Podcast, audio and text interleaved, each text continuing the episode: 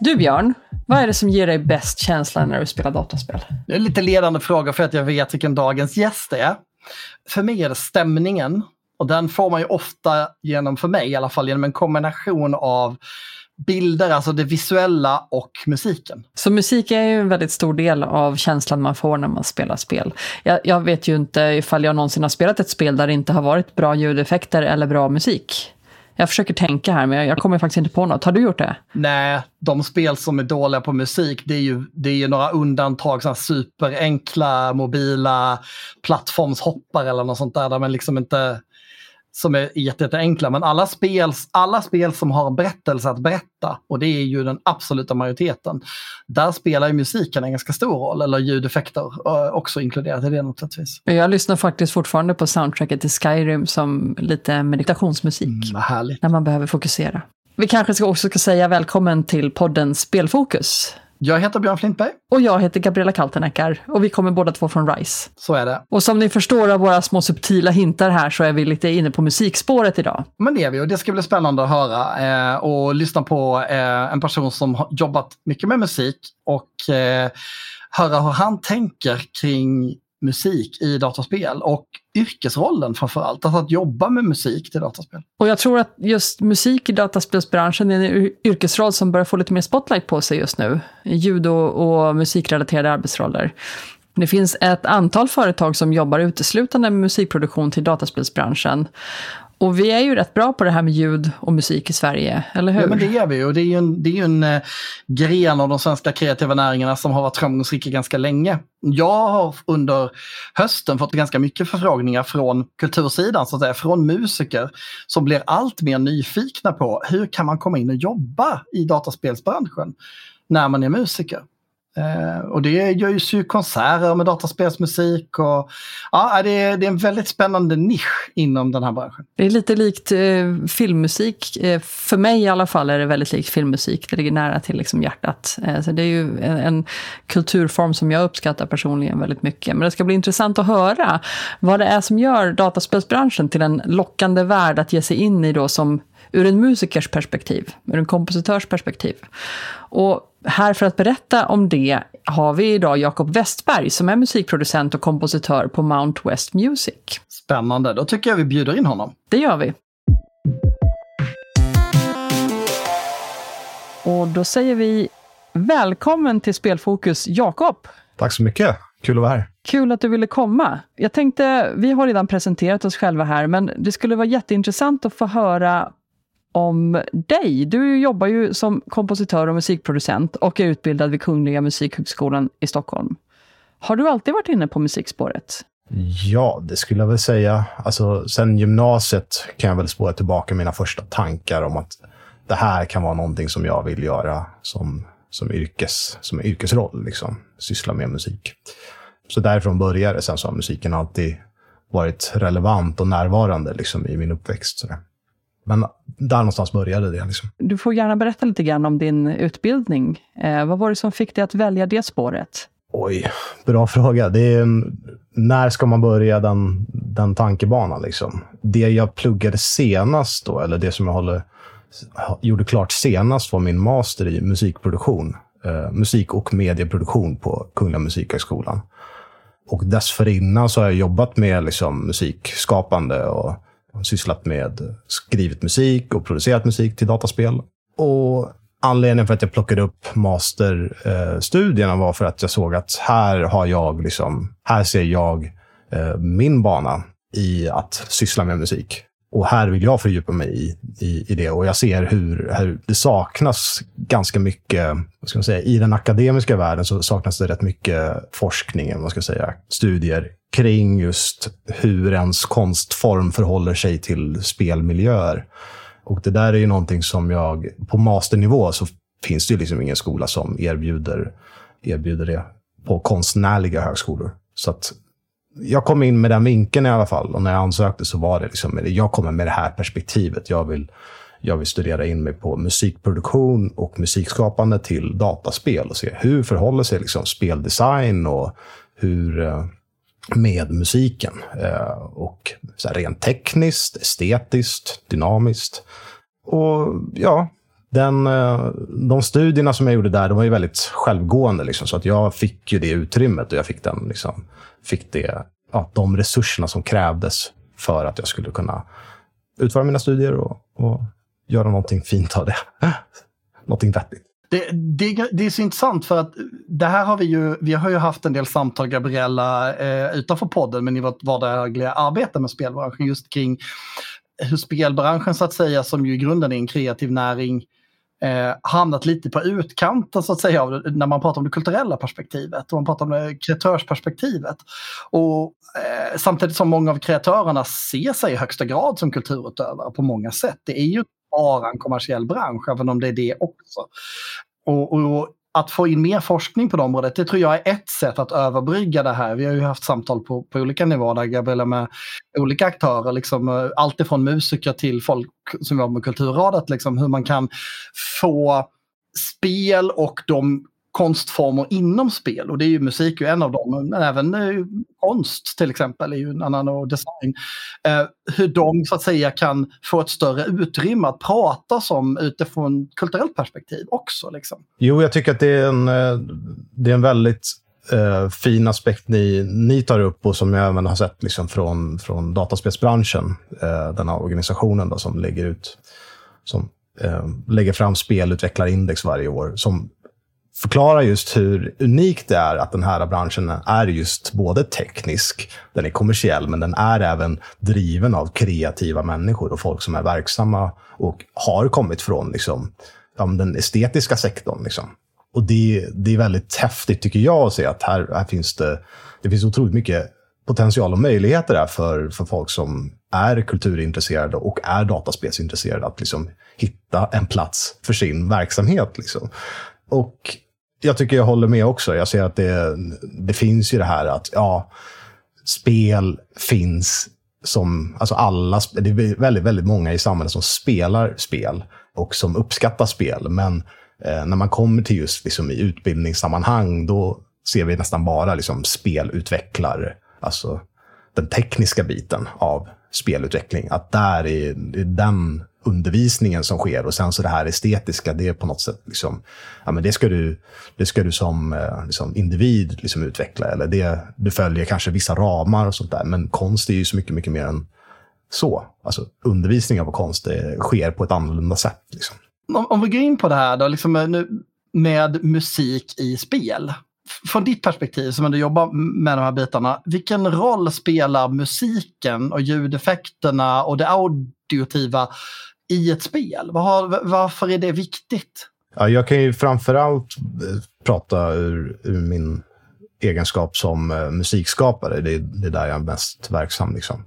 Och jag, i mina studier så har jag även formulerat det här och artikulerat det på ett eh, liksom, mer tydligt sätt. Men det som, det som jag ser eh, som händer i de flesta typer av spel eh, är att det skapas ju ett sammanhang där Eh, väldigt mycket känslor är liksom, kommer upp. Alltså för de som spelar så finns det väldigt tydliga moment in i spelet där som är väldigt känslostarka för den som, den som spelar. Och det är ju den här, om jag ska skriva musik till ett spel, då är det ju den här eh, kontexten som musiken hamnar i. Eh, och musiken har ju en tendens att inte bara liksom möta den här emotionella yttringen som, som som kontexten visar eller som den består av, utan även förstärka den också. Och det som är så intressant, som jag ser då, som händer i det sammanhanget, är att när man då har skrivit en melodi som är väldigt passande eller som är välskriven för just det sammanhanget, då blir det en enormt stark förankring i den melodin eller den, den musiken som är då. Och där är så börjar liksom det här äh, hur i min, ur mitt perspektiv, hur, stark den, hur starkt förankrad det blir till spelet som, som, ett, som en berättelse eller som ett varumärke. Eller som, den förankringen startar ju där och då. Liksom. För någon vecka sedan så, var det, så hade de till exempel den här äh, Score-konserten i Berwaldhallen.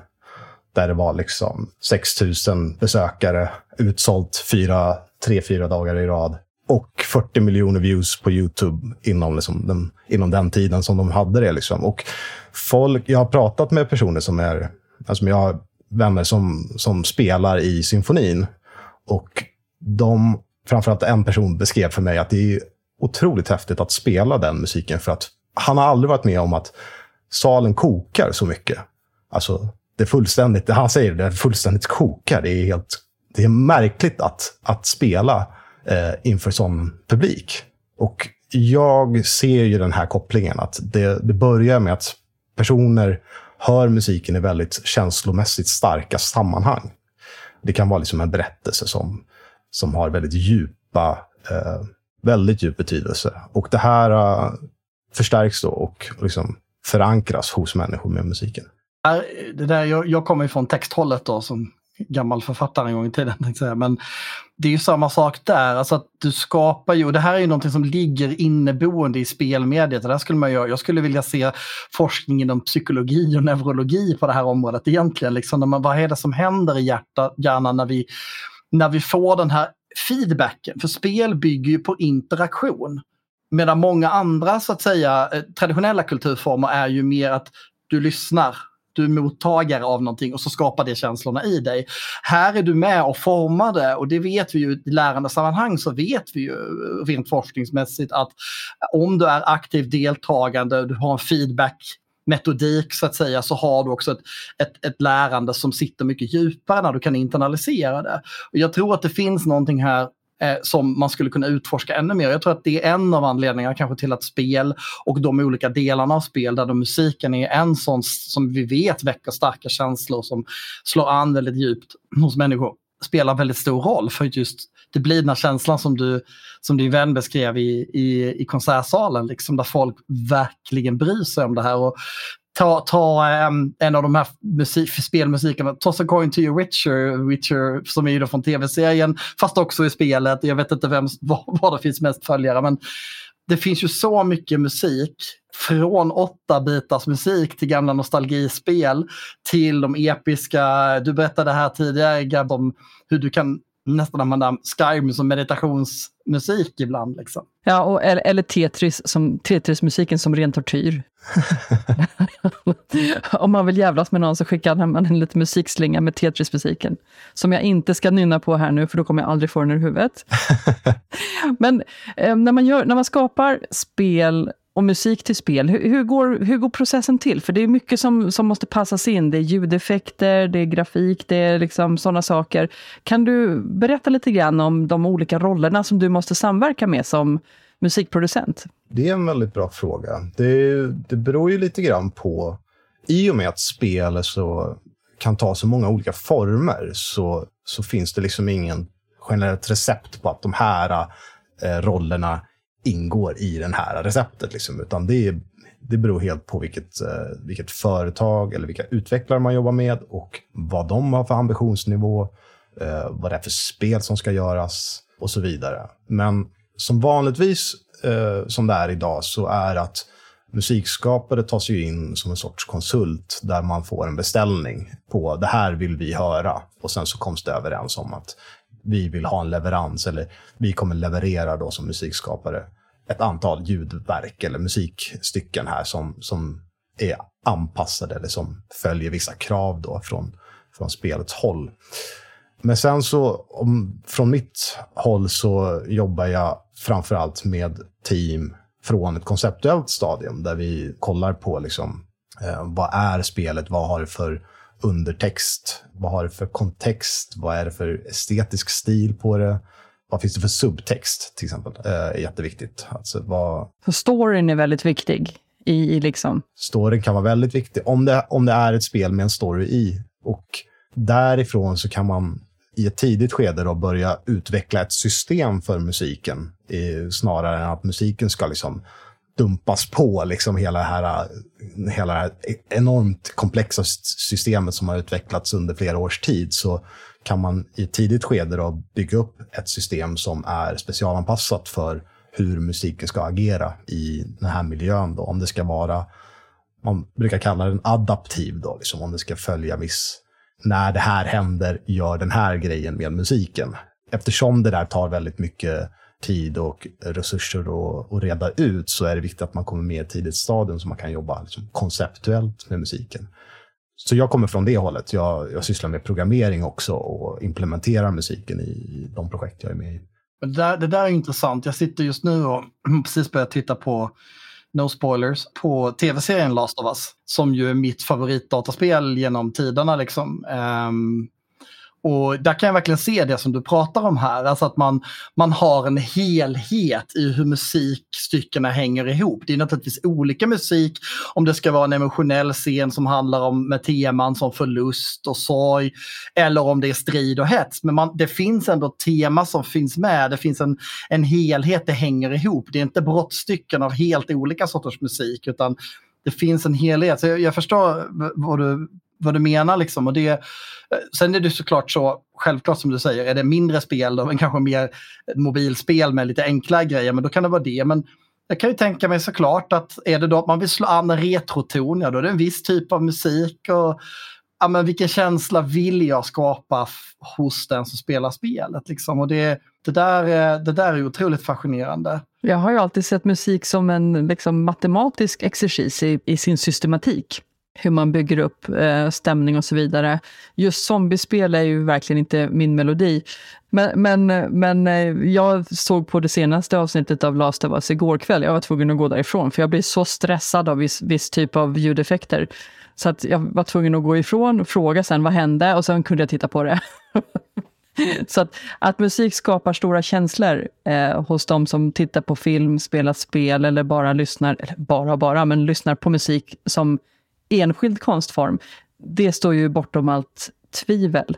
Men vi, finns det något recept eller du vet, vilka delar behöver komma in i om man nu ska se en hitlåt eller ett sound till dataspel för det jag, jag, ska förklara hur jag tänker. Eh, för det, det, finns ju mängder av filmmusik då som är det som ligger mig närmast till hands att jämföra med.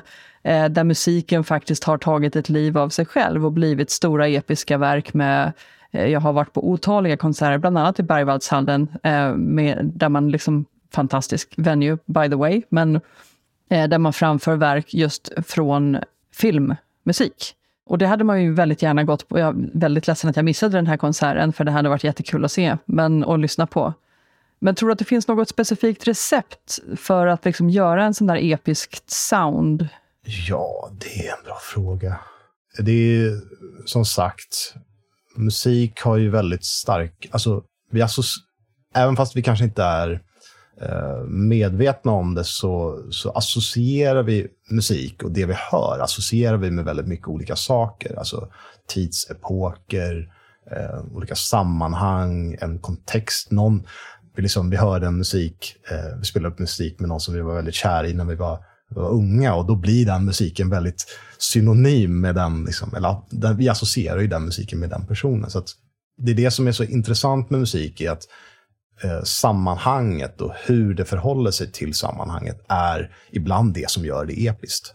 Eh, till exempel, alltså ett piano som plinkar för sig självt, liksom, kanske inte man associerar som att ah, det där skulle vara väldigt episkt, men om man hör, om man har förstått, liksom, kollat på Last of Us i liksom flera flera avsnitt eller man har spelat spelet och sen så kommer just rätt typ av toner vid rätt tillfälle där det är en väldigt känslosam scen. Då kan det få en episk effekt. Liksom. Att vi kan uppleva det, oj vad episkt, men det är, liksom, det är bara några enskilda toner på ett piano. Det är därför det är en konstform. Då, för att, säger jag det som, att när någon som har skapat musiken för det här sammanhanget förstår hantverket, liksom, hur kan man leka med känslor? Hur kan man leka med det som är musikteori eller man kanske slänger teorin ur, ut ur fönstret, liksom, men man förstår, liksom, man har någon förståelse kring hur man skapar den här konstformen. Då, då kan man skapa nya saker, men man kan åter, liksom, återanvända idéer och liksom, bygga vidare på idéer för att skapa någonting nytt, till exempel. Ja, det är ju väldigt häftigt. Det är, och det är rätt lätt att se. Det är som du säger, alltså man, man har ju viss typ av musik som man associerar med vissa saker. Eh, och det är ju allt ifrån rent eh, så att säga tekniskt i musiken, alltså högt tempo, ja då är det stressigt. Eh, svepande stråkar, okej okay, nu är det lugn och romantik och så vidare. Liksom. Men det är ju också eh, andra saker, hur man, eh, melodislingor eller andra saker som återkommer. Liksom. En fundering jag hade på när du var inne på det här med hantverket, som det bara slog mig nu. För du sa ju också att, att mycket av det här kommer ju genom att man får ett uppdrag tillsammans med spelbolaget. Men jag tänker mig då när man som konstnär så att säga skapar sin egen musik, då, då utgår man ju så att säga från sin egen vision och sin egen bild. Finns det några utmaningar där som musiker när man kommer in och ska så att säga nästan göra en uppdragsmusik? För det kan det ju bli det att det handlar om om man nu inte är anställd på ett bolag för att börja musik. Hur, hur hittar man så att säga hjärtat eller guston i det man ska skapa när man ändå gör det på någon form av beställning och ett ramverk? Liksom. Finns det det är en bra fråga. Som jag ser det från mitt perspektiv, att får jag ett uppdrag för att åstadkomma eh, någonting som, är, som inte är skapat än, som inte, som inte finns än, men som kanske har eh, vissa, liksom, vi önskar höra den här typen av musiken. Så eh, som utövare och verksam liksom, musikkonstnär så är det ju så bör jag känna självsäkerhet i att de vill ha min röst i det här och de vet att jag kommer leverera det här. Det är egentligen sant för många konstformer. Du vet, beställningsjobb innebär ju att du inte själv kanske 100% får skapa från ditt eget huvud. Och musik har ju, alltså, har ju en tendens att ligga väldigt många nära. Liksom. Alltså, det upplever jag ju väldigt vanligt. att Kommer jag in i ett team och skriver musik så är det, det är väldigt många som har åsikter och, och vill, liksom, vill ta del av musiken och vill ta del av processen. Vilket jag tycker är väldigt häftigt i, i spelbranschen. Att här har vi liksom, här har vi ett stort team av, kan vara väl enorma team som, som sitter och, och skapar den här upplevelsen för, för våra spelare. Och en av de saker som väcker starkast liksom, diskussion och känslor i, i skapandeprocessen är musiken. Eller nu ser jag det från mitt perspektiv, sådär. men jag upplever att det är, det är väldigt vanligt att alla tar del av liksom, hur går det med musiken, hur låter den? Och det där är eh, såklart en, eh, en viss utmaning i att navigera i det. Liksom. Men som sagt, jag, som om man som musikskapare har fått det som en beställning så, så är det för att det är, vi, vi vill ha din musik. Det är motivation nog för att liksom vilja göra någonting som, som är väldigt, eh, som träffar folk, som, som, som, är, som de kan ta till sig och känna väldigt starkt för. Men som sagt, det är också, i och med att det är så mycket känslor inbakade i liksom skapandeprocessen och att vara kreatör, så är det också en utmaning i hur förhåller man sig till den, liksom, till exempel eh, den kommersiella aspekten i det här, eller den, eh, eh, den tekniska aspekten i det här. Så här, går det att utföra de här sakerna? Den, eller kommersiella aspekterna, går det, har vi resurserna att utföra den här saken till exempel?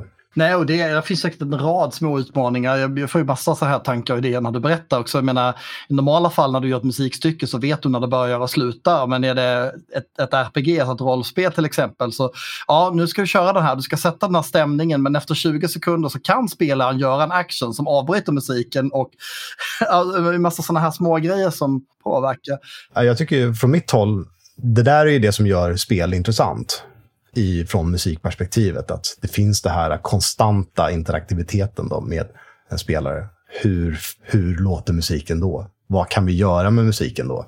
Liksom, vad, det är liksom outforskat, tycker jag. Det, det har ju hunnit, det har hunnit skapas en hel del häftig, häftiga musikupplevelser i, i, i den här branschen än så länge. Men vi är ändå väldigt unga än så länge. Jag, jag får ju mycket frågor, eller ganska mycket frågor faktiskt, eh, från musiker som inte jobbar med spel idag, men som är väldigt nyfikna på och vill in i den här branschen. Hur ska jag göra? Vad krävs det? Vad behöver jag kunna? Vad ska jag tänka på? Hur hittar jag kontakterna?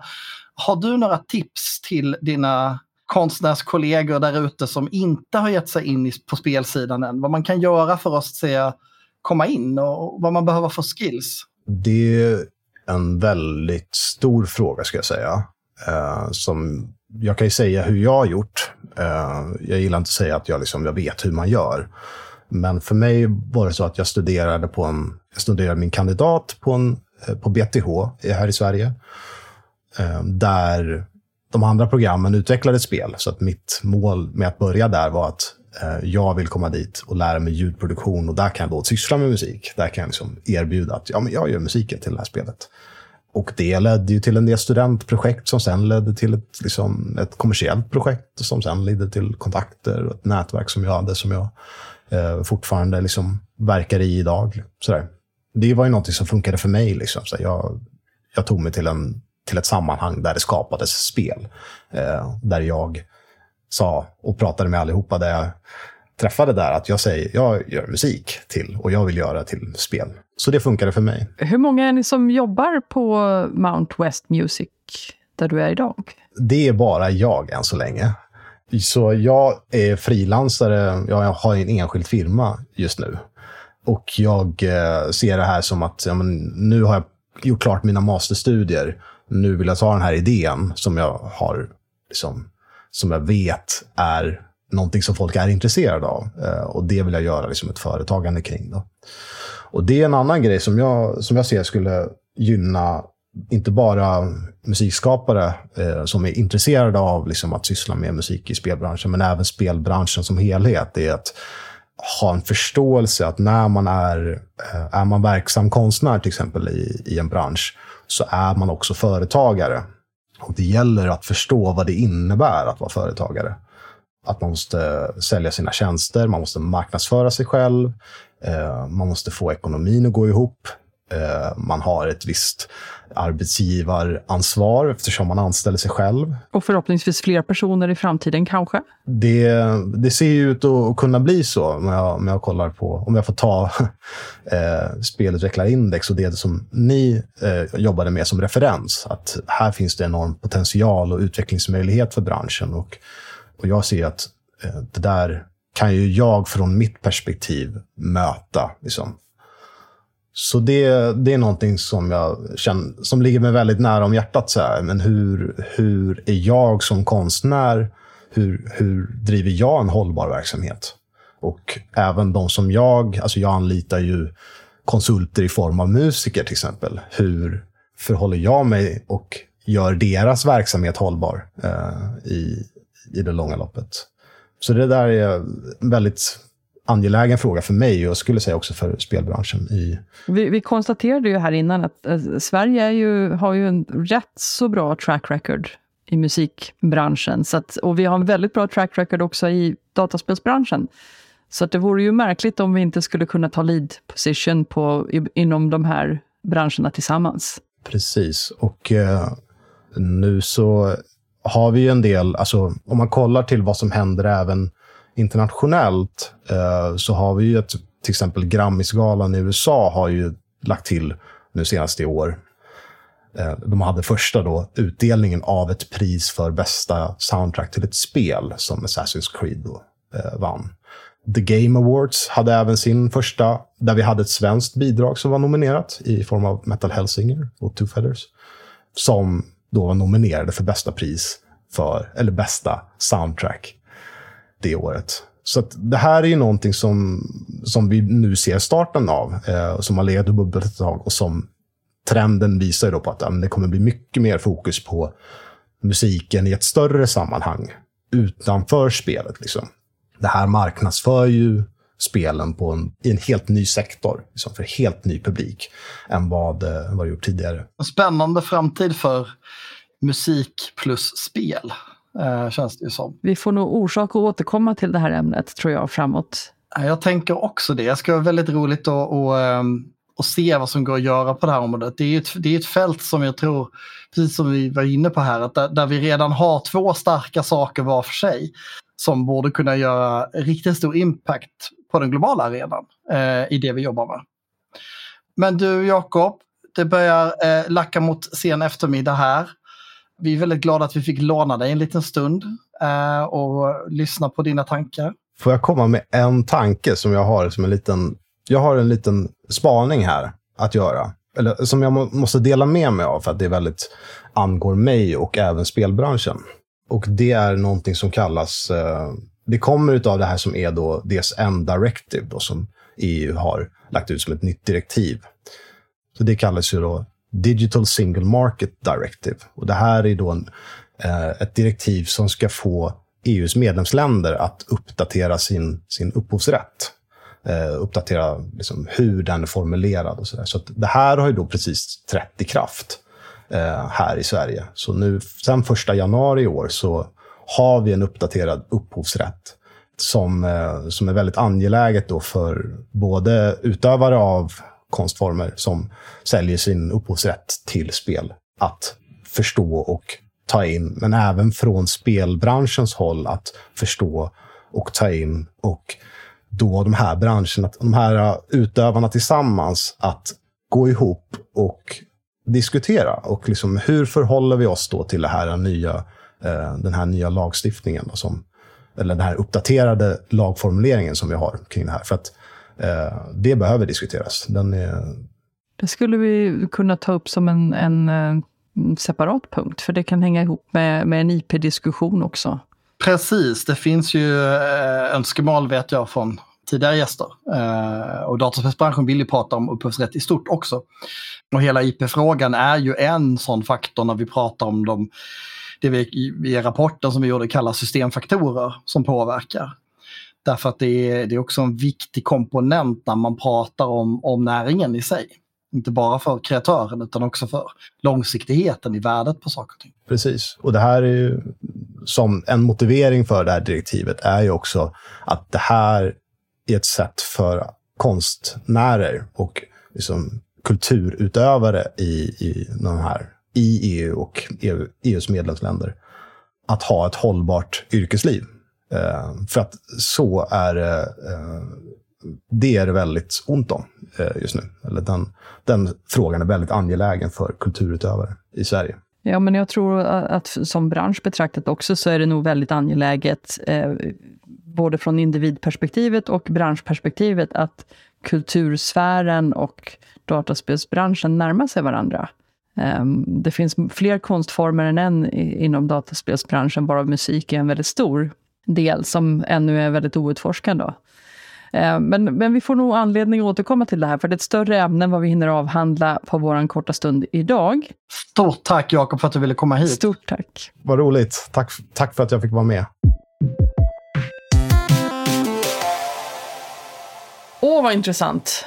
Vilken inspirerande... Ja, jag tycker det är spännande att få, få lyssna på ett litet annat perspektiv än vad vi har gjort innan. Alltså att få prata specifikt om musik som är en sån viktig del av spel eh, och dyka ner. Och jag hoppas att vi får möjlighet att prata med fler yrkesgrupper, eller man ska säga, som jobbar med de här olika komponenterna som ingår när man skapar spel. För det är rätt spännande att, att få en inblick, för jag tror att var och en av dem är liksom som en egen liten värld med eh, ett eget ekosystem av olika utmaningar, olika speciella förutsättningar som är ganska intressanta om man ska försöka förstå dataspelsbranschen. Och det kommer ju lite lite nytt liksom, lagförändringar och sånt där också eh, gällande kreativa yrken som vi ska ta upp i kommande avsnitt.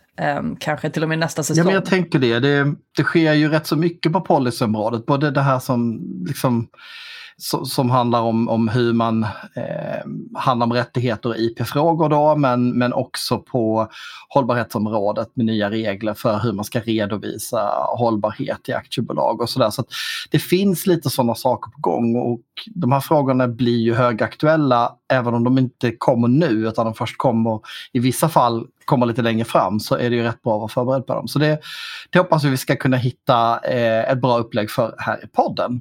Men det, det som slog mig lite grann när vi pratade med, med Jakob här, det var ju att, att um, vi har en sån, vi som spelare, för du och jag är ju bara gamers själva, vi har ju en väldigt speciell relation till musik.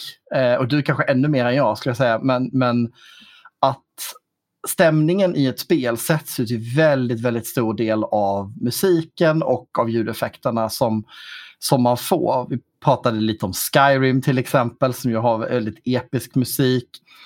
Eh, nu tittar jag ju på, på tv-serien Last of Us och, och, min första kontakt var såklart dataspelet som är mitt, en av mina absoluta favoriter eh, alla tider.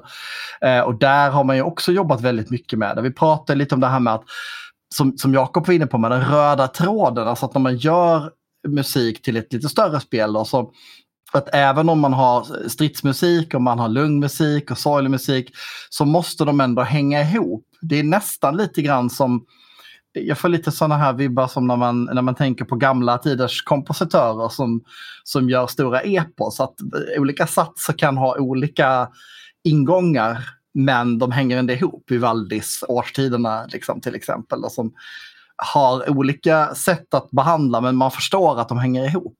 Eh, och det där att skapa den här helheten det hjälper till att bygga immersion eh, och, och bygga känslan av att man man är i en värld som är på riktigt på något vis. Och det, det är musik ett oslagbart verktyg tror jag. Ja men verkligen, och hur, liksom, det, det som Jakob sa också att det måste knyta an till historien, till storyline.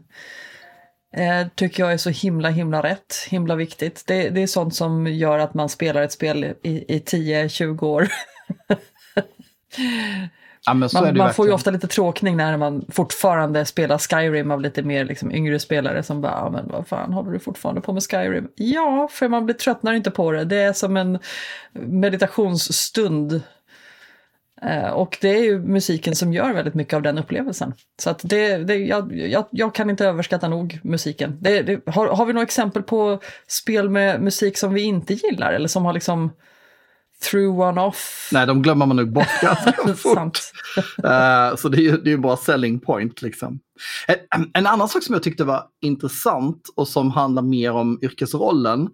Det är ju det här som jag ställde en fråga kring just att hur man ändå som musiker som är ett, ett, ett kreerande yrke, verkligen ett skaparyrke, behöver då förhålla sig till att man kommer in och gör grejer på beställning. Snarare än att man bara skapar fritt och sen så blir det vad det blir. För det är ju ganska få eh, bolag, förutom de allra största, liksom, som har musiker at hand. Utan det är ju mycket frilansare och det, det ger ju yrkeskåren en speciell förutsättning. Jag hade ett, ett samtal ganska nyligen med yrkesnämnden för film och tv. Vi pratade just om förutsättningarna för frilansare. Eh, och, och, det är ju en närbesläktad bransch då. Det är lite samma här. Alltså att förutsättningarna för att jobba som musiker i spelbranschen är ju väldigt gig baserad. Man får ett uppdrag och man gör det och så måste man leta nytt uppdrag och sådär. Så det handlar väldigt mycket om, så som Jakob själv beskrev, att, att han kom in i branschen genom att han byggde kontakter och var på rätt ställen och sen fick han några uppdrag och sen har de lett vidare. Det här är ju inte unikt för musiker. Det är ju lite samma med många fall med, med vissa typer av designers och sånt där. Även om det är vanligare så att säga att grafik och sånt, det har man personal till. Men för speciella effekter till exempel och så. Då tror jag att man också som yrkesmänniska, som, som person liksom behöver tänka på att det kan gå väldigt mycket upp och ner. Och, och just de här förutsättningarna för att ha det som sitt yrke. Det är en annan sak jag skulle vilja gräva vidare i i podden längre fram. Alltså att, hur är det att jobba i den här branschen och, och hur, hur kan det se ut när man har den här typen av jobb om vi, om vi jämför det med till exempel de här yrkeskategorierna som kanske vanligare då har fasta anställningar på studios av olika slag. Programmerarna och spelutvecklarna och, och, och grafikerna framförallt. Men, men de här gigbaserade jobben som kommer in med en väldigt smal specifik kompetens. Hur ser deras arbetssituation ut egentligen? Hur, hur ser förutsättningarna ut? För vi får ju mycket påknackningar från musiker som inte jobbar i spelbranschen idag och som är intresserade. Eh, och som vill veta hur gör man liksom för att komma in. Så det, det, skulle jag vilja titta närmare på också. Kan kanske gå in lite på, på arbetsvillkor och du vet bra tips hur man lyckas med förhandlingar och den, den biten. Ja men och, precis, och Jakob var inne på det eh, när vi pratade. Jag minns faktiskt inte just nu om det var eh, i, innan vi så att säga gjorde själva intervjun, om det var i försnacket. Men, men, men just det här att förhållandena för hur man får betalt har varit lite sketchy av och till. finns ju den här berättelsen som, som vi fick, fick oss till livs eh, ganska nyligen på, på folk som har fått bara en liten fast summa för ett ganska stort spel. Och det är klart att där får man ju titta på hur, hur ser det här ut? Är det olika betalningsmodeller? Hur kan man förbättra det och så vidare? För att målet måste ju ändå vara att att man ska skapa en robust arbetskår. Jag tror, jag tror att det här är ju inte någonting som är unikt för eh, dataspelsbranschen. Jag tror att det här är, är någonting som är sammanknippat med de kreativa yrkena. Eh, den här vanliga kommentar man ofta får, jo men du jobbar ju med det som du tycker om, det, liksom, det här är kultur, det ska vara gratis. Eh, och då glömmer man bort att människor fortfarande måste försörja sig på det arbetet. Och, och det tror jag liksom film och tv-branschen också brottas med eh, ganska mycket. Hur, hur, hur, hur ja, gigbaserat, underhållningsbranschen generellt är ju eh, extremt gigbaserat. Det finns fördelar och det finns problem med det också, men det tror jag att vi behöver djupdyka ner i ett helt eget avsnitt, för det är ett stort och omfattande ämne. Ja men verkligen. Eh, det är det. Och, och ett intressant ämne eh, om man ska skapa den här långsiktiga hållbarheten som vi ändå siktar på att försöka hjälpa till att bygga upp. Definitivt. Och du som lyssnar, om du jobbar i ett kreativt yrke och eh, har funderingar på hur det skulle kunna innebära att ansluta till dataspelsbranschen med dataspelsbranschen som kund, hör av dig till oss. Eh, våra kontaktuppgifter finns på RISE hemsida, ri.se, GameNode. Och eh, ställ frågor, kom med idéer, förslag, tankar över vad vi skulle kunna lyfta i, i det här forumet. Eh, men våran tid börjar närma sig sitt slut för idag. Ja, nej men eh, så är det. Och vi är ju tillbaka som vanligt nästa vecka. Eh, och vi ser fram emot nya gäster. Tack för idag, Björn. Tack, Gabriella.